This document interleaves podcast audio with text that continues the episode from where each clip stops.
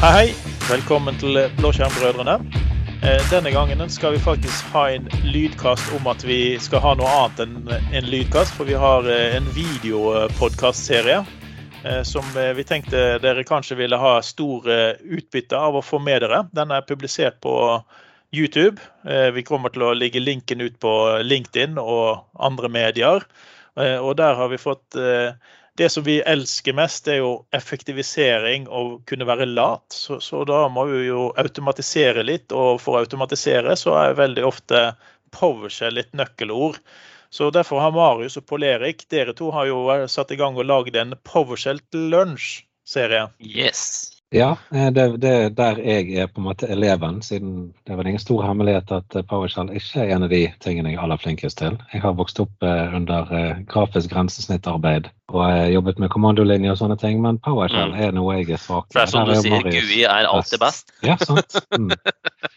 Nei, men det, det, er jo, det er jo helt åpenbart at her kan vi spare mye tid. Det er jo, det er jo eh, Bare ta det eksempelet på den jobben jeg holder på med nå, der vi holder på å opprette gjerne 500 brukere og gjør sånne ting. Eh, gjør du det manuelt, så går det jo ikke. Da går det altfor lang tid. Mm. Så jeg er den nyttige eleven her, mens du, Marius, du er guruen. Jeg prøver i hvert fall å være det.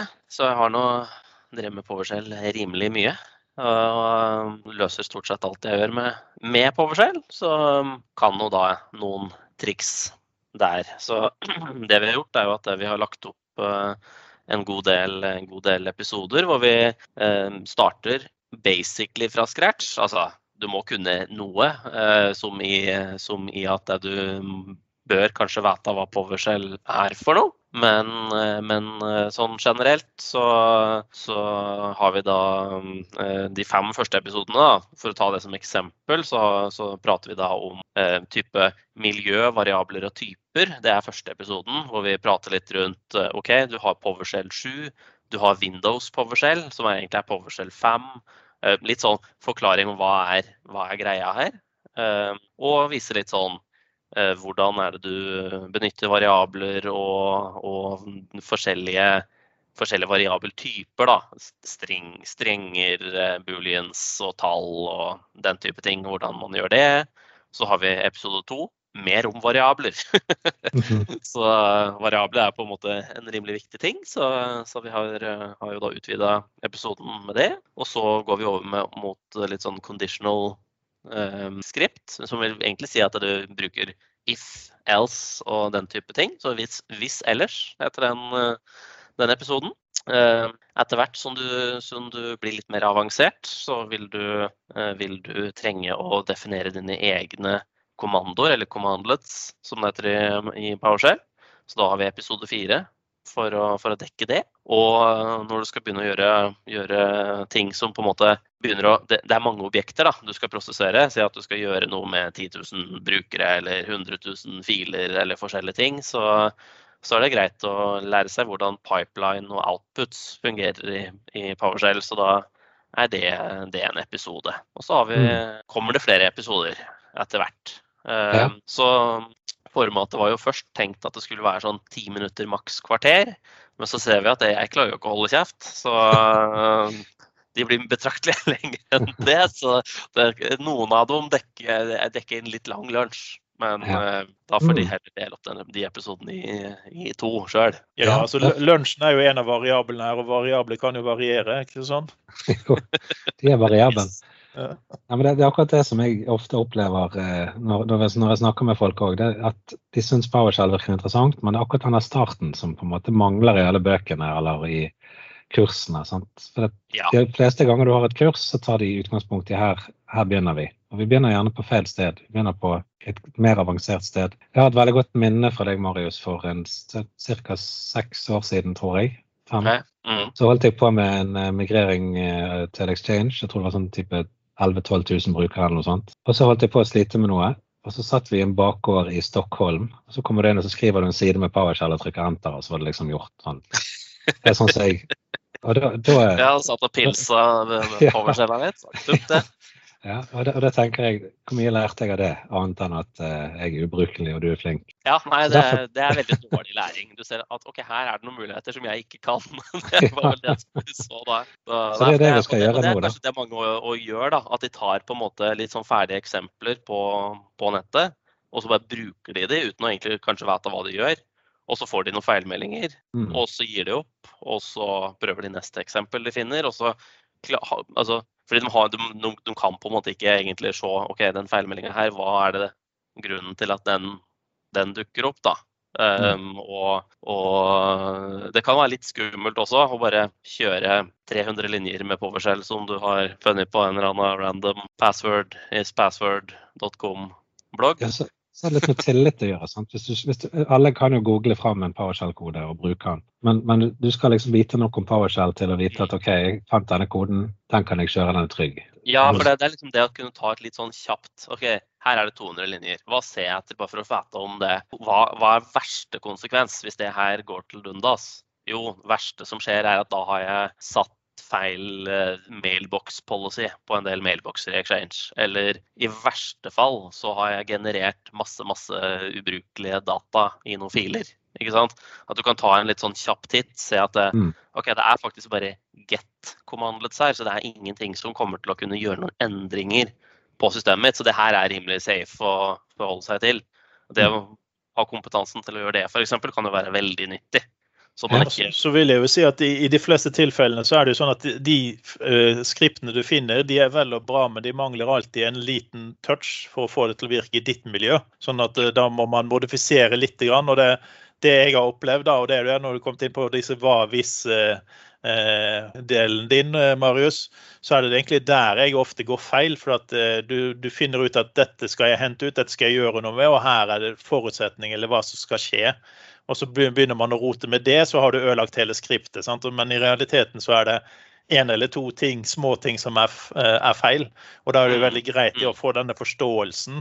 Eh, Eh, sånn at du faktisk kan gå inn og modifisere, du kan endre litt eh, for å finne ut hva, hva som er der. Og, det, og ja. det, vi så, det var jo det at du, du bruker jo eh, code. Uh, Visual Studio Code ja. når du editerer. Jeg har jo vært vant til å bruke ISE. Er det noen sånne store fordeler med code kontra ISE? Um, debugginga er litt bedre. Um, men jeg må være Altså, jeg har jobba veldig mye med ISE sjøl, og jeg syns jo, for å være helt ærlig, at PowerShell ISE er bedre foreløpig.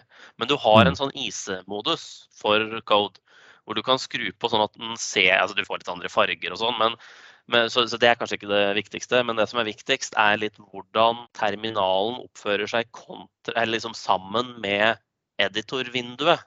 Um, hvor du um, det, det, du opplever i code, da, det er litt sånn at den driver og appender ting på slutten av linjer og kjører de sammen og litt sånn kaos. Det blir litt bedre hvis du kjører den ISE-modusen i, i, code.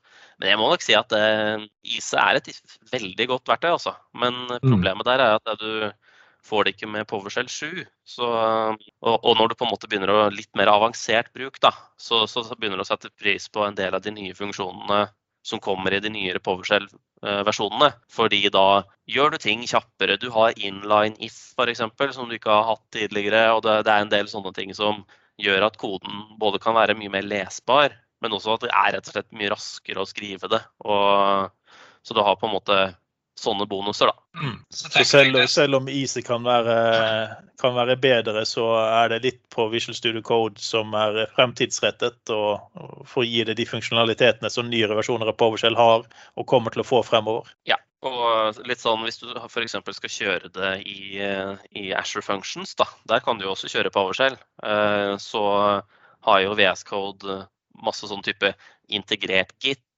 eh, integrert deployment direkte til Asher Functions og forskjellige sånne type, type funksjoner som du kan benytte, da, som gjør, gjør, ting eh, veldig sømløst for deg. Så da kan du egentlig bare sitte i VS Code, skrive noe du, bare, du, trykker basically bare går inn på function-extensionen i VS Code, sier jeg skal ha en ny function, skriver fem linjer kode. For ofte er det ikke veldig mye du skal gjøre. Du skal, kanskje du bare skal ha et bitte lite skript som uh, står og kjører hver natt og sjekker et eller annet og sier ifra hvis noe er feil. Det er hele, hele jobben. Um, da tar det deg kanskje en halvtime å sette opp det, og så kjører det ferdig som en Asher function i, i Asher, da, uten at noe, du trenger, kjører ikke noe på noen servere og har sånne avhengigheter, og alt er superenkelt. da. Så det er det som på en måte, det er det, det rammeverket der som virkelig gjør det kraftig. Ja, for Det, det traff hjertet ditt, Pål. Superenkelt. Du, du anser jo alt dette som er PowerShell nå som superenkelt etter å ha gått gjennom kurset?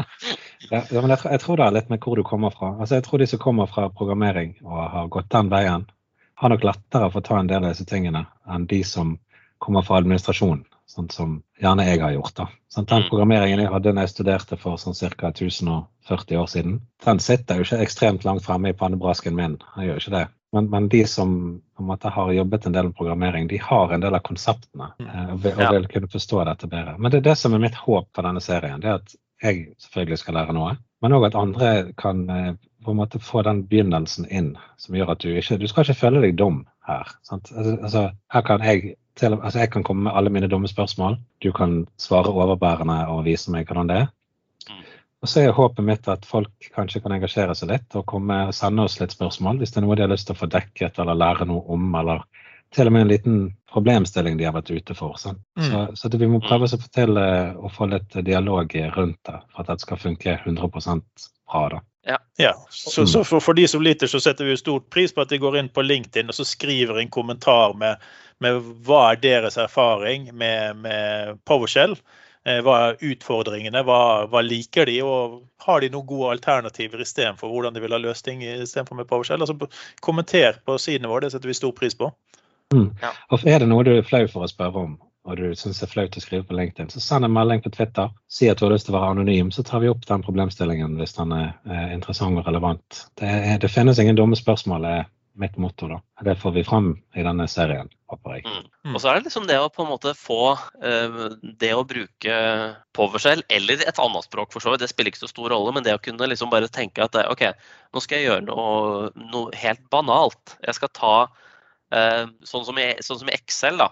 Litt, sånn eksempler som jeg ofte bruker der. Jeg er ikke så veldig god i Excel, det er egentlig ganske dårlig, uh, for det sitter jeg sjelden og jobber med. Eh, Excel for meg det er bare en tabell med masse greier. Og F.eks. eksempel her om dagen da skulle jeg ha en kolonne. Den skulle inneholde ID, punktum og så et tall. ID punktum 3, ID punktum 4. Eh, og skulle gjøre det et eller annet antall ganger. Og det kunne jeg helt sikkert gjort i Excel. Jeg fikk ikke til å bruke den ekspandere automatisk-greia. Det tolka han ikke sånn som jeg ville. Og så kunne jeg alltids gjort, hatt to kolonner og konkatenert om og styre ordna. Men i stedet for så bruker jeg da ti sekunder i PowerShell, bare på å generere opp alle de 150 linjene. Trykke paste Excel, så har jeg løst det problemet. Da har jeg brukt PowerShell til å være et bitte lite sånn problemløsning i egentlig noe helt annet jeg drev med. Mm. Um, et, et, annet eksempel var en, en, kamerat som jeg hjalp med å uh, analysere Excel-filer. Så igjen Excel, da. Um, men han hadde da Det var vel en 50-60 Excel-ark som det var basically søknader da, som på en måte var skrevet inn i Excel. Så han skulle lage et sånn oversiktsbilde av alle de. Så han skulle hente inn data fra alle inn i et nytt Excel-ark. Helt sikkert også noe du kunne gjort i Excel, men da brukte jeg også da PowerShell bare til å liksom ta alle filene for hver fil, gjøre noe greier, eh, sånn at det basically genererte en ny Excel-kode. For Excel har jo funksjoner for å lese inn celler fra andre Excel-ark og alt mulig sånt. Så da mm, da brukte vi PowerShell til å rett og slett generere Excel-kode, som vi bare pasta rett inn i Excel. Smack, så hadde vi den ferdige rapporten. Og så kunne vi sikkert brukt Excel til å gjøre det. Men, eh, men eh, da, da, gjorde vi på en måte noe, noe, han antok at han kom til å bruke et par uker på. da. Det satt vi to timer på telefonen og løste, på en måte. Det... Ganske morsomt det der, for at uh, jeg, jeg, bruker Excel i stedet for PowerShell. ja. Så eh, istedenfor, eh, siden jeg da ikke er en, eh, en racer på dette, her, så istedenfor med alle disse hva hvis-scenarioene dine, så har jeg faktisk gått inn og lagd en liste sånn som jeg vil ha den i Excel, istedenfor å rydde den ved hjelp av PowerShell, sånn som man kan mm. gjøre. Så har jeg heller tatt outputen, editert den i Excel, fått det jeg ville ha, og så har jeg kjørt den på nytt igjen i, i PowerShell. Det er liksom mm min måte å gå rundt en del av disse problemene på. Da. Men, eh, men som du har vist i disse eh, hittil-episodene, så kan man jo faktisk egentlig heller gjøre det direkte i PowerShell enn å, enn å bruke Excel. Da. Men for, for, meg så var jo det en tidssparing. Det problemet, ikke sant? Hvis, du, mm. altså, hvis du hadde brukt to timer da, på å finne ut at hvordan du bruker where object for å filtrere ut de du skal ha, og, og alt mulig sånn, og fortsatt er litt usikker på om det egentlig ble riktig. Ikke sant? Si at det er ganske mye data du har. da. Det er liksom 100 000 linjer eller et eller annet med et, en eller annen type informasjon. Da er det vanskelig å sjekke at det faktisk ble riktig, eh, og at du kan stole på det. Mens hvis du vet at du gjør det riktig i Excel, og det tar deg én time der, da sparte du en time, da, så er du 100 sikker på at det er riktig. Ja. Så jeg er jo også liksom, liksom løst det sånn som du tenker at, at, at, uh, er sikkert at det er løst, på en måte. Og så bare bruk det du har i din, din verktøykasse. Men det er bare det å utvide den verktøykassa med litt nye, nye metoder. Mm. Og ikke minst hvis det, hvis det, blir en repeterende oppgave, så bør man jo kanskje mm. vurdere om det kan være bedre ja. å tenke full skriptering. Men hvis det er en sånn der engangsoppgave, som det veldig ofte kan være, i min mm. verden i hvert fall, mm. så er det bedre å bruke den ene timen i Excel enn de fem timene jeg måtte bruke på PowerShell og fortsatt vært usikker, som du sier. Så godt, godt tips det med å bruke de verktøyene man har tilgjengelig, og de du, du, du stoler på metoden å gjøre det på. Jeg er jo litt heldig der, for jeg har en venn jeg kan sende det til. Hvis jeg lager et skript, så kan jeg spørre noen. Sant, Marius? Du har fått noen sånne forespørsler? Fått noen sånne. Ja. ja. ja det, det setter pris på det. Men jeg, jeg tror dette kan bli veldig bra. Jeg tror at jeg kan lære masse, og jeg håper at andre kan lære masse. Ja, ja vi håper og, det. Mm. Episodene vil da være linket inn eh, på LinkedIn-siden vår. Eh, I tillegg så vil du finne oss på YouTube og alle andre mulige kanaler. Så, så sjekk ut eh, de fem første episodene. Kommenter, sånn at vi får motivert Marius og Pål Erik til å lage flere episoder. Yes.